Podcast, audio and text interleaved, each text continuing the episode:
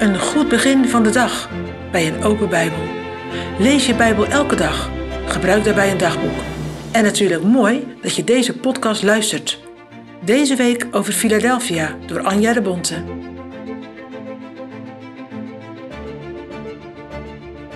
Vandaag denken we verder na over de brief aan de gemeente van Philadelphia en we lezen daarbij Openbaringen 3, vers 12 en 13. Die overwint, ik zal hem maken tot een pilaar in de tempel mijn Gods, en hij zal niet meer daaruit gaan. En ik zal op hem schrijven de naam mijn Gods en de naam der stad mijn Gods, namelijk des Nieuw Jeruzalems, dat uit de hemel van mijn God afdaalt, en ook mijn nieuwe naam. Die oren heeft, die horen wat de geest tot de gemeente zegt. Als je wint, dan krijg je wat. Toch? Winnaars ontvangen iets. De Heer schrijft aan de winnaars van de gemeente van Philadelphia. Wie bedoelt hij? Wanneer ben je een winnaar?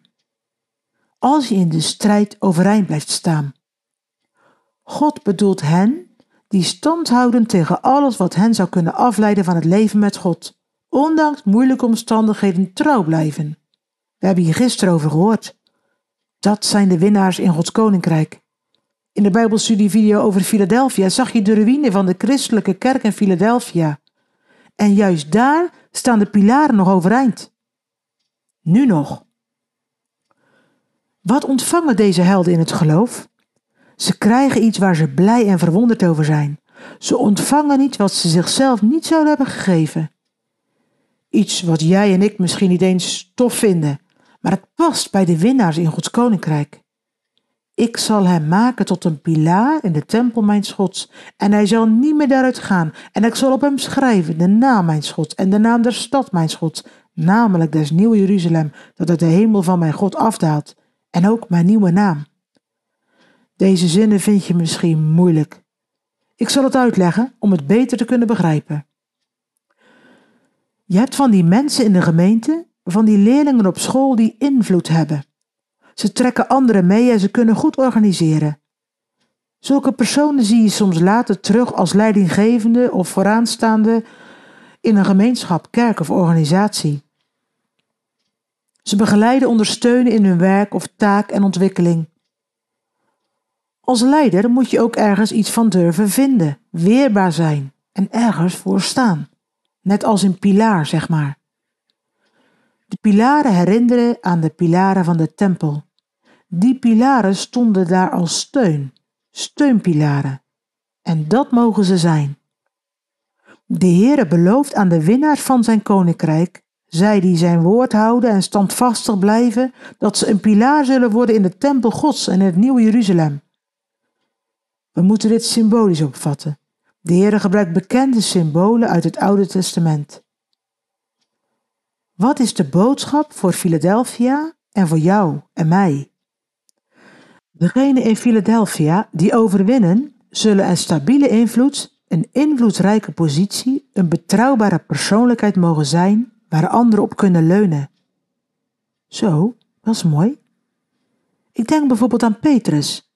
Hij heeft verschillende keren ondoordacht en impulsief gehandeld. Hij maait het oor van Malchus eraf. Hij verloochent zijn meester. En zingt een keer weg in de golven van angst. Toch zegt de Heer tegen hem: En ik zeg u ook dat gij zijt Petrus.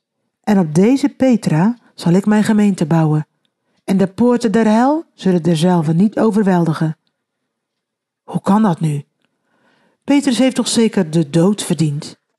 Ja, maar de Heer ziet zijn hart aan en dat hart van Petrus is vernieuwd door het licht van de Heilige Geest. En zijn zonden zijn gewassen in zijn bloed. En daarom zocht God voor hem. En mag hij een voorbeeld zijn. Het gaat hier dus niet om Petrus zelf, maar om de belijdenis van Petrus als een fundament van het geloof. Een fundament, een Petra, waarop de kerk gebouwd zou worden hij krijgt een centrale rol in de verspreiding van het evangelie. Hoe zit dat bij jou en bij mij? Weet je wat zo mooi is in Gods koninkrijk?